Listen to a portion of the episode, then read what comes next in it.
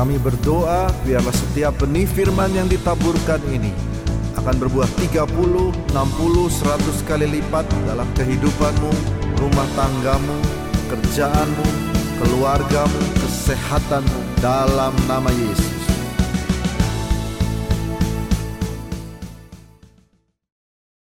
Terima kasih buat Tuhan Yesus yang mengundang saya. Terima kasih buat tuan rumah di sini, sahabat saya, suami istri. Tuhan Yesus memberkati gembala, koordinator dan juga seluruh jemaat Tuhan yang dikasih Tuhan. Saudara bersuka cita, amin.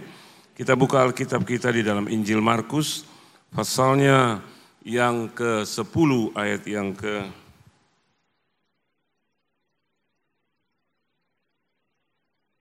tujuh belas sampai dengan ayatnya yang ke-27. Kalau saudara berkenan, kita boleh baca bersama-sama saudara. Saya ayat yang genap, karena biasanya hamba Tuhan suka kegenapan gitu ya. Anda baca yang ganjil ya. Mari eh, kita akan baca bersama-sama. Eh, saya akan eh, memberikan waktu pertama untuk Anda ayat yang ke-17, 1, 2, dan 3.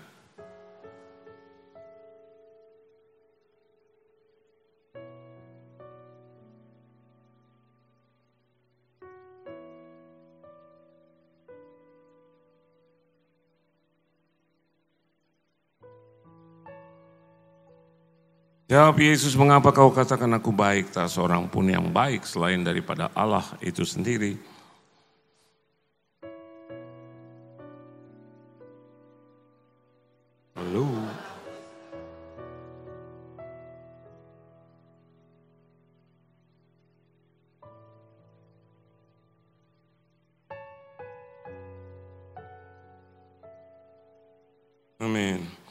Lalu kata orang itu kepadanya, Guru semuanya itu telah kuturuti sejak masa mudaku.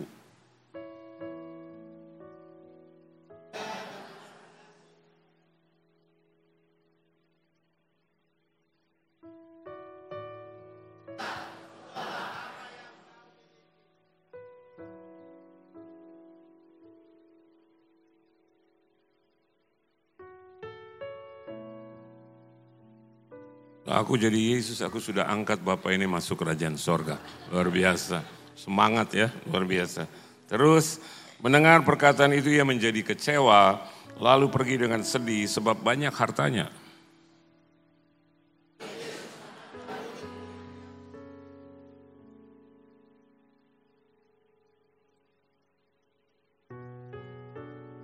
Murid-muridnya tercengang mendengar perkataannya itu, tetapi Yesus menyambung lagi, anak-anakku, alangkah sukarnya masuk ke dalam kerajaan Allah.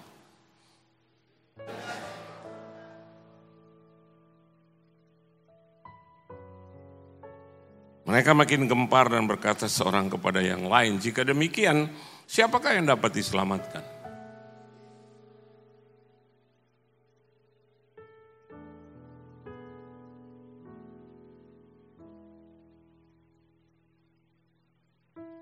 Untung ada ayat 27 saudara. Amin saudara. Diberkatilah kita semua. So siapa yang mengajar saya dan anda bahwa keraja, masuk kerajaan Allah itu mudah? Difficult. Very difficult. Sangat susah. Alkitab katakan begini di ayat sebelumnya ya. Bahwa eh, mereka makin gempar berseru dan ayat 24 katakan tetapi Yesus menyambung lagi anak-anakku, anak-anakku. Sekali lagi nih, anak-anakku. Anak itu. Alkitab bilang, alangkah sukarnya masuk ke dalam kerajaan Allah. Saya uh, tidak peduli dengan dengan dengan uh, apa namanya terjemahan yang lain, tapi kita orang Indonesia ada lembaga Alkitab Indonesia, terjemahkannya begitu. Dia bilang alangkah sukarnya masuk ke dalam kerajaan surga. Halo? Sukar. Dulu waktu mama saya masih hidup, mama saya suka bilang, jaga hatimu, jaga tindakanmu, jaga matamu Yohan, karena susah masuk kerajaan surga. Saya remaja saya dibegitukan. Saya naik lagi eh, apa namanya main musik, pimpin pujian, doa, puasa, penyembahan. Terus bawa firman saudara. Dari worship leader dulu, bawa firman. Tetap aja mama saya ngomong itu. Hati-hati jaga hidupmu karena susah masuk kerajaan surga. Kita berpikir maafkan saya, untuk pergi beribadah aja kita harus didorong-dorong, harus di WA, harus di di apa nah diberitahu gitu. Kadang seperti diancam. Ayo, ayo, ayo dong, ayo, ayo, ayo. Tapi memang faktanya demikian. The truth seperti itu. Kalau tidak Yesus tidak akan berkata begini, masuklah ke dalam pintu yang sempit. Amin. Sempit. Oleh sebab itu bagaimana dia melebarkan sayap kerajaannya sampai hari ini terbukti juga dengan gereja Anda. Saya ikuti perjalanan gereja ini dari awal. Dan saya lihat betapa menderitanya mereka berdua. Iya. Gimana mereka jatuh bangun, ngobrol, terus cerita kanan kiri, Pak saya sebenarnya mau ini, ini rencana Tuhan, Tuhan berkata seperti itu, tapi dalam perjalanannya tidak seperti itu. Susah mengejawantakan apa yang dimaksudkan oleh Tuhan kepada kita, nggak gampang. Untuk masuk dalam pelayanan terus ada di tengah, seperti gereja sekarang, jadi mudah. Tadi dia cerita, tidak ada seorang hamba Tuhan pun dari luar yang yang uh, mudah untuk saya undang. Dan ternyata bukan gereja ini saja. Di mana-mana gereja yang saya layani ngomongnya juga begitu. Pak Yohan yang pertama Pak Yohan Pak Yohan. Saya masuk kamar mandi kadang saya nangis itu saya bilang sama Tuhan dan kepada mama saya gitu seolah-olah saya ngomong ma thank you ma. Thank you. Untuk pengajaran bahwa kerajaan sorga itu nggak gampang. Anda pikir dengan pujian dan penyembahan saja masuk kerajaan sorga? No. Tidak ada yang ngajarkan itu. Coba cek and recheck lagi firman Tuhan. Aku tidak mengenal engkau, bahkan bernubuat, menyembuhkan orang. Betul nggak? Yesus yang ngomong itu bukan saya. I don't know you. I don't know you. Get out of my face. Oh. Apakah Anda hafal khatam katanya ya dari kejadian sampai wahyu tiga kali, lima kali lagi. Saya mau katakan bukan itu jaminannya. Tapi jaminannya ini nih, ini yang Yesus katakan. Dia dia dia lihat orang muda yang kaya itu dengan apa? Dengan belas kasihan. Ternyata kok masih dihambat, masih cinta gitu hal-hal yang seperti itu yang sifatnya apa? Duniawi. Gereja pecah kenapa? Gereja bubar kenapa? Urusannya nggak lebih dan nggak kurang, duniawi. Kedagingan itu sudah. Nah hari ini saya mau katakan buat saudara Tuhan yang ingin mengajar kepada kita tentang apa yang dikatakan oleh Yesus di ayat yang ke-27. Alkitab bilang begini, uh, for God, yeah, with God, nothing is impossible. Ya, coba kita baca ayat yang ke-27. Alkitab katakan begini, bagi manusia hal itu tidak mungkin, tetapi bukan demikian bagi Allah. Sebab segala sesuatu adalah mungkin bagi Allah. Bagian terakhir dalam bahasa lain dikatakan begini, with God, with God. Ini yang dimaksudkan oleh Tuhan Yesus. Orang boleh bilang susah, but with me. Amin, saudara. Yesus mau bilang, with me.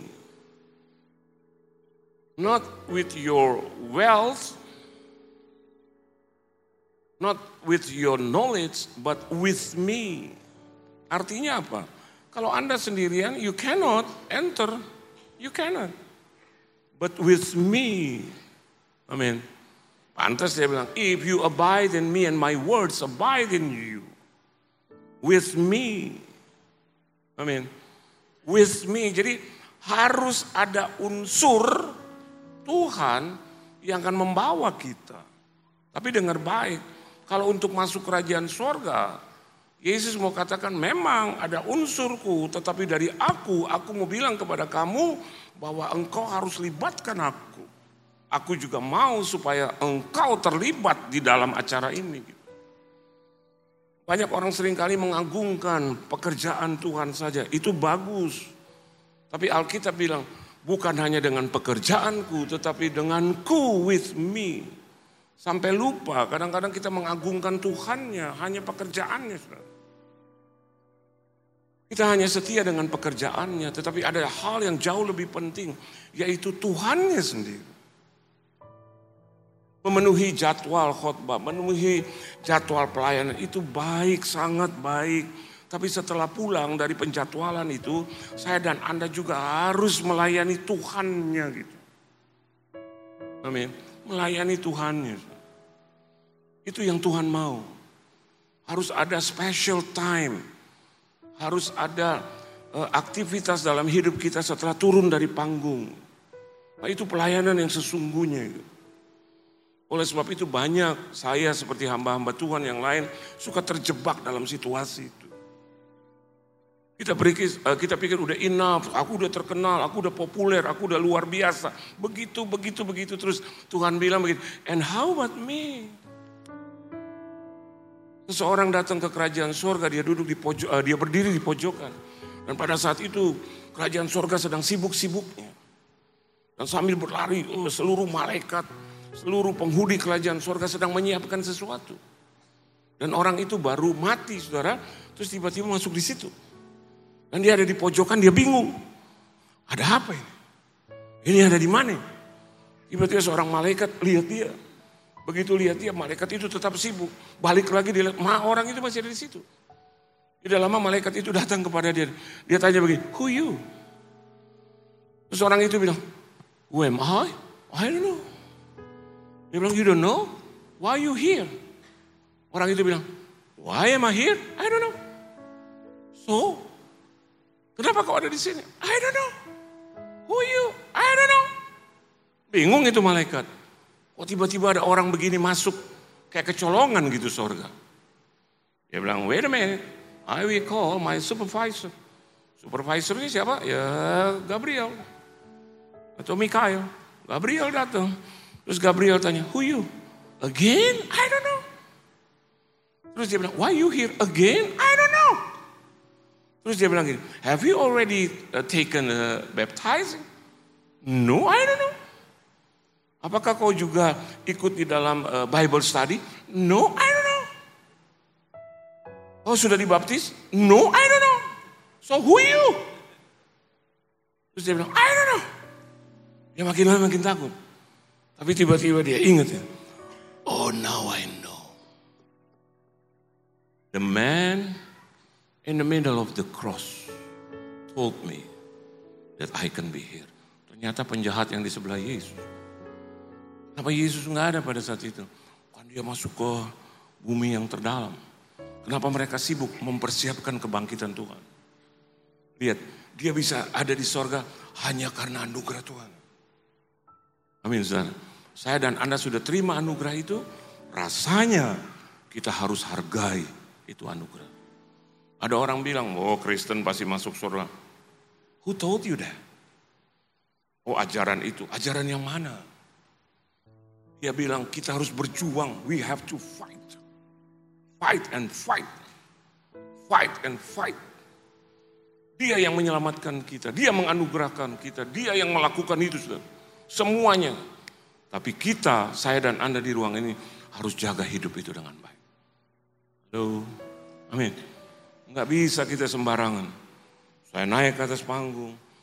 Begitu turun saya tipu Albert. Haleluya, haleluya, Albert, Albert, Albert. God loves you. Bisa pinjam dulu 100 juta Albert, Albert, Albert. Dan Albert itu manusia yang peka.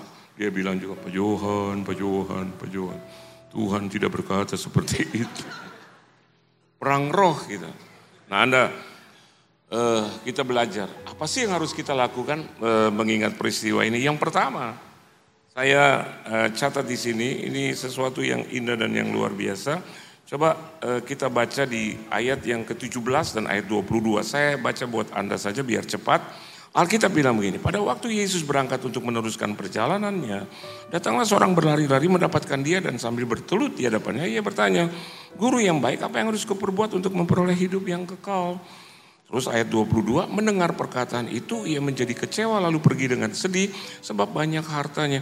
Dia yang datang kepada Yesus, dia yang meloyor pergi begitu aja. Bukankah saya dan Anda, Yesus telah terlebih dahulu datang kepada kita, kita responi dong sekarang, kita datang ke rumah Tuhan, kita melayani dia, eh, dia kita hidup bertobat, hidup benar di hadirat Tuhan. Kalau Anda bertanya kepada Yesus, Yesus bilang, oke, okay, tiket sorga milikmu. Halo? Tiket sorga milikmu. So, all you have to do, all I have to do adalah pegang itu tiket dengan baik. Pegang tiket itu dengan baik. Ini sifatnya free, pegang dengan baik. Amin. Lihat tanggalnya gitu. Oh, tanggal 24 September masuk di dalam ibadah. Pegang itu dengan baik. Dan kalau tiketnya uh, ke London tanggal 24, saya mau katakan buat Anda, terbanglah, pergilah ke uh, uh, apa namanya? Airport.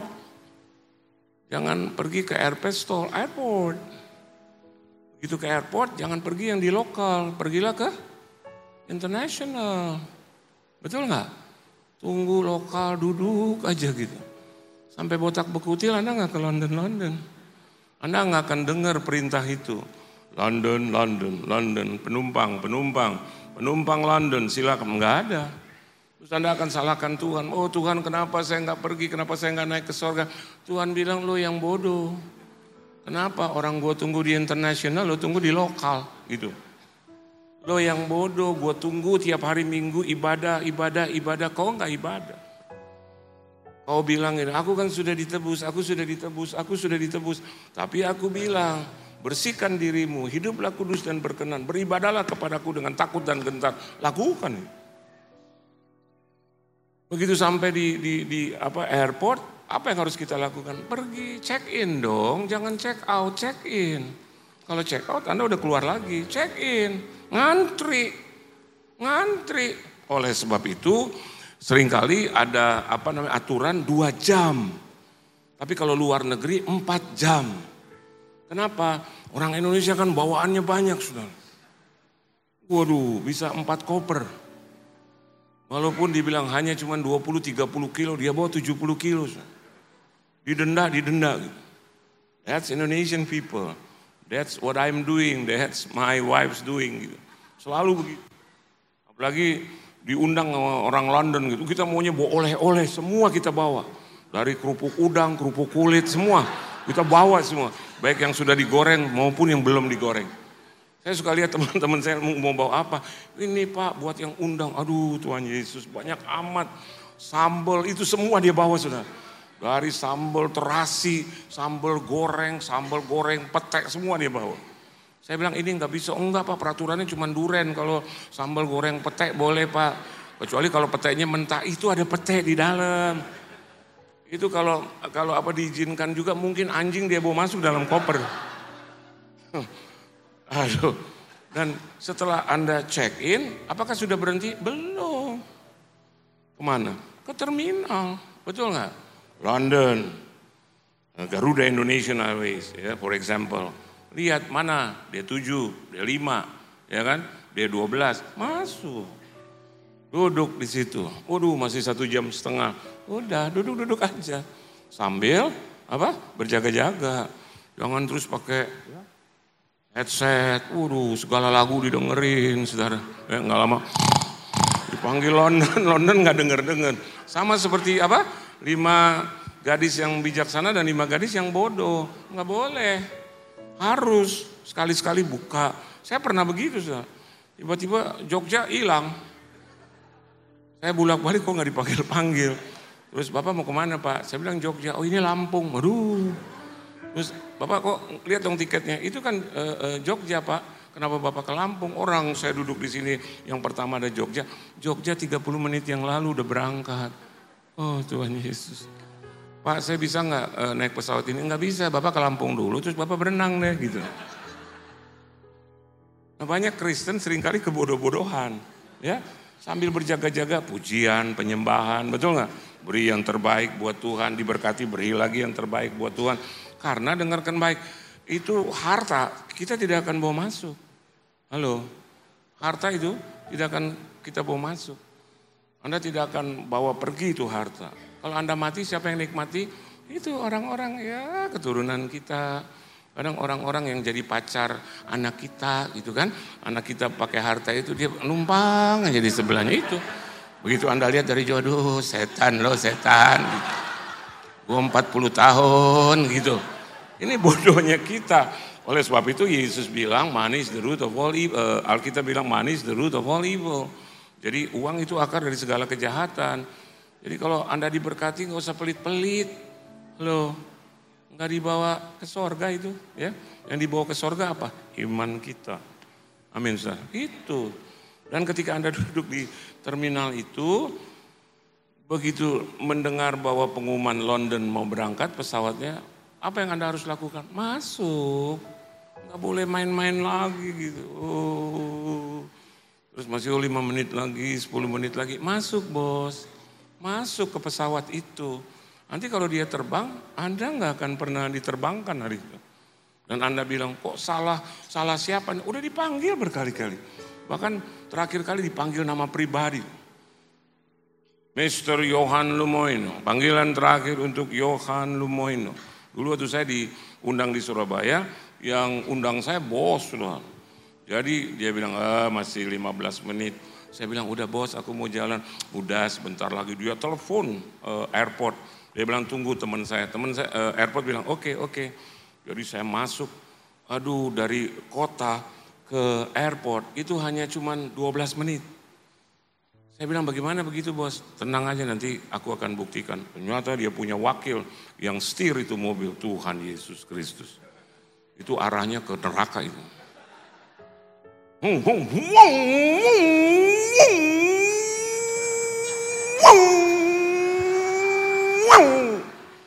nggak bisa nyetir dan seumur hidup saya itu kalau di atas 60, 80 saya udah nggak males.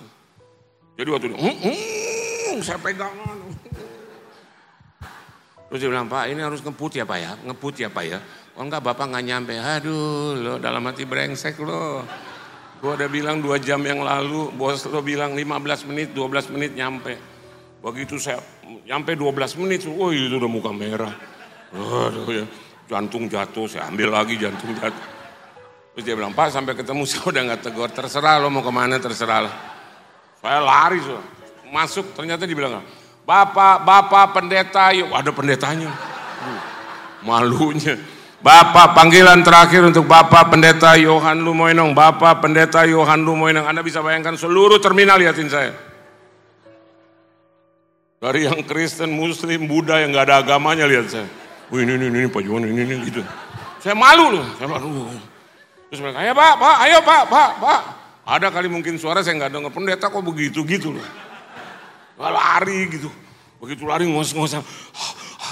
Sampai ke atas itu dia punya tangga udah mau diangkat. Ayo pak, cepat, ayo pak, ya pak gitu. Ya, tunggu, tunggu, tunggu gitu. Tunggu. Saya takut saya pakai tali gitu. Saya naik lari, wah nyampe. Itu pramugari, uh, liatin saya nggak enak banget. Biasa gitu, selamat pagi, selamat pagi pak, gitu.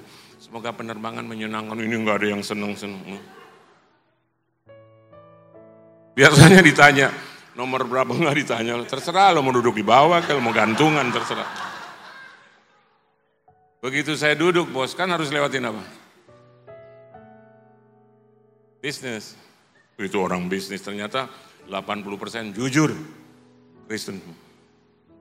Iya, buktinya mereka lihat saya, Pak Johan, halo Pak Johan, Pak Johan. Saya gini, Pak, Pak Shalom. Pak dari mana sih? Enggak tahu lah teman saya. Kacau tuh teman saya. Begitu saya buka itu hordeng, itu ekonomi kelas semua gitu. Uh.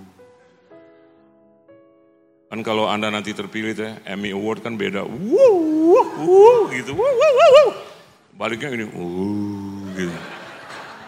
Saya sepanjang perjalanan nggak mau ke WC. udah kebelet yuk. Nah, saya mau katakan buat Anda susah. Kalau kita nggak bisa lakukan itu sulit. Nah hal yang pertama saya lihat di sini kenapa dia datang kepada Yesus, terus ujungnya dia pergi dengan sedih. Ini dengar baik, integritas, integritas. Jadilah Kristen yang berintegritas. Halo. Ke mana ini bandnya belum hujan, Pak? Hujan, Pak Albert, hujan. Mana hujan nggak Pak? Pak Albert bilang, lebih kenceng ini. Jadi takut hujan. Seringkali dulu alasannya macet, macet, macet nih minta macet. Saya dulu pernah jadi managing director. Jadi alasannya itu. Ke mana kamu? Macetnya Pak, macet. Yuk rumah di mana? Tangerang Pak, kenceng Tangerang. Terus yuk bangun jam berapa? Jam setengah delapan. Yuk terang, nggak ada macet juga, macet tuh. Ketemu saya, saya bilang, besok denger baik. Denger baik, nih yang Tangerang. Bangun jam 4. Yuk, oh. Kalau enggak, kalau kau nggak bisa ikuti, maka pimpinan bilang out. Kita harus jadi Kristen yang berintegritas. Halo. Begitu ada persembahan, hanya ini Tuhan. Hanya dua jari masuk. Nyari kayak cumi gitu. Sekenanya. Ya memang nggak disiapin. Betul nggak? Sampai botak bekutil juga nggak dapet. Ada rencana lagi untuk ambil di di kantong orang gitu kali gitu. Siapin, serika. Integritas begitu. Anda mau lihat uang saya? Rapi, uang yang baru. Jangan udah uang yang paling lama. Yang udah dicari-cari Bank Indonesia gitu. Kita belum tuker-tuker. Terus kita, nah ini buat persembahan. Kesian Pak Albert. Ah nggak laku nih duit gitu. Lu ada yang lebih kurang ajar nih. Saya ya di atas siap. Saya bisa di, dihukum Tuhan seberat-beratnya. Kita dulu punya persekutuan doang. Tahu nggak duit 500 perak, separuh loh bos. Waduh, itu begitu saya itu, waduh kenapa jadi jadi begini nih setengah? Saya lagi mau tanya, setengahnya ke mana? Untungnya nggak tulis di, di, di apa namanya di, di uh, potongan itu. Ayo cari sepotongnya ke mana? Dalam hati saya, kok ilah buat Tuhan kok begitu amat. Kita enggak berintegritas, ditolong Tuhan, diselamatkan Tuhan. Mestinya beri yang terbaik buat Tuhan. Tadi saya udah pakai masker ya. Pak Albert bilang, kenapa Pak pakai masker? Saya bilang, pakai masker udah pakai nih. Terus saya bilang, minang mak, bindang. Terus dia, kenapa nggak buka mak? Minang, minang. Terus saya bilang, saya juga bindang Pak, kemarin-kemarin juga bindang. Tapi saya buka Pak, oh ya udah, buka integritas, buka. Ya kan? Kalau sampai ya kan nular semua ya udah resiko lah. Ya. Salahkan siapa? Albert, saudara. Saya mau katakan integritas dong. Diberkati, jangan terus uh, besok, lusa, tambah, duduk. Ibadah jam 11, kalau perlu setengah 11 sudah di sini. Integritas. Buktikan sama Tuhan, eh aku Tuhan gak akan lari dari berkatmu. Bagianmu, jangan 10%. Kan ada pendeta bilang gitu, jangan 10% saudara, jangan batas-batasi. Saya bilang, 10 persen aja lo ketakutan, 10 persen aja lo bahas, mau ngomong tentang 90 persen. Adalah berintegritaslah. Gak usah kita banyak bicara apa yang kita dapat dari Tuhan. Langsung potong, Bum. potong. Bum. Berapa saya kasih sekarang? Yang kencang. 90. Gak takut, saya, saya pikir gini, saya udah selesai sama hidup saya. Masa saya kasih 90 terus saya jatuh miskin? Enggak lah, aku punya Tuhan yang besar. Ada-ada aja. Orang yang kemasukan roh kudus banyak. Ibadah liatin saya terus ambil begini-gini. Saya lihat, kenapa sih om ya Mai? Gak tahu. Kayak punya marah sama gue. Begitu lihat itu. Ah, eh, Begitu keluar baru, Pak Johan, saya pikir dia mau marah gitu. Jadi, eh Pak, saya jaga-jaga aja gitu. Pak, kenal saya nggak? Ya supaya deket. Rasanya kenal. Bapak pernah berdoa buat saya. Oh, pernah tahu Pak doanya? Orang sekarang aja lagi mikir siapa lo. Doanya Bapak tahu? Hmm, kurang kurang nangkep. Bapak pernah berdoa tentang perusahaan saya, bisnis saya. Oke Pak, Tuhan berkati. Jangan terlalu lama. Jadi ribut. Masa Bapak nggak tahu sih? Bapak Bapak nggak kenal sih ya? Oke Pak, Tuhan berkati. Jalan sih. Terus dia teriak, iya Pak. Dan saya diberkati dan hari ini saya mau memberkati Bapak. Saya berhenti. Berhentilah, betul nggak? Berhenti. Itu juga namanya integritas. Loh iya dong, Tuhan udah buka jalan, jangan sombong, betul nggak? Jalan aja terus. Tuhan bilang, hey you are called. Saya berhenti langsung. Saya bilang, apa Pak tadi Pak bilang Pak? Saya udah berkali-kali, Bapak lihat nggak tadi di khotbah? Saya liatin Bapak terus. Iya saya juga liatin Bapak. Pak saya mau berkati Bapak. Amin. Bapak mau terima apa? Tuh kan dia tantang saya. Nah kalau udah begitu juga berintegritas. Jangan, hmm, nggak mm, usah Pak. Biar Yesus yang datang kepada saya. Nah, malam Yesus datang, naik kau ke atas. Saya. Dia tanya begitu.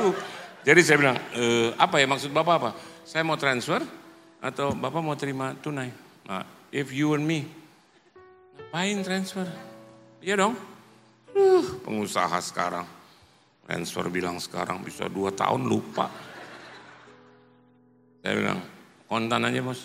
Dia bilang, sip. Jadi saya kasih ya pak, oke. Nanti ke rumah pak. Amin, makasih pak. Udah. Kenapa saya nggak bilang di mana rumahnya? Saya emang lupa. Saya nggak tanya rumahnya.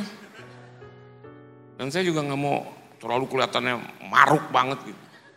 Waktu jalan saya bilang sama istri saya, luar biasa Tuhan. Tuhan tuh mah. Kenapa? Lihat itu. Kita diam aja tapi Tuhan bekerja. Terus dia bilang, dia mau berkati gue. Oh, terus kapan kamu datang? Di mana rumahnya? Itu yang gue nggak tahu di mana.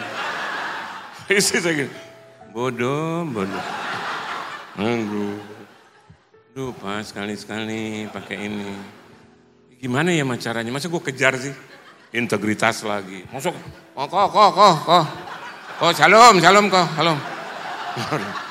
Terus begitu dia nengok, dia bilang gini, oh, orang gue bercanda. Waduh. Ampun, malu tuh. Ya. Udahlah, saya, saya merinding tuh. Saya pulang ke rumah, Pak Albert, haleluya, Yesus, Yesus, oh. Satu hal yang saya minta, satu aja. Ingatkan dia untuk menelepon saya bahwa dia belum beritahu nomor teleponnya. Eh begitu sampai di rumah dia telepon saya, Tuhan baik. Bos, Juan, eh siapa nih? Halo, halo. Wah udah mulai Oh kita juga harus cari itu apa namanya signal. Halo, halo, halo, halo. Sampai keluar keluar, halo, halo, halo. Baru dia bilang, Pak belum tahu Pak alamat saya belum, you belum ngomong. Pak ini alamat saya. Iya Pak mau tanya Pak datang kapan? Integritas lagi. Oh pagi-pagi benar ketika hari masih gelap. Kan ada kita bilang betul nggak? Maria Magdalena datang ke kubur pagi-pagi benar ketika hari masih gelap. Jangan siang-siang. Pagi ya Pak, pagi kira-kira jam berapa? Bapak bangun jam berapa? Dia bilang sekitar jam 8, ya setengah 8 saya udah sampai di sini.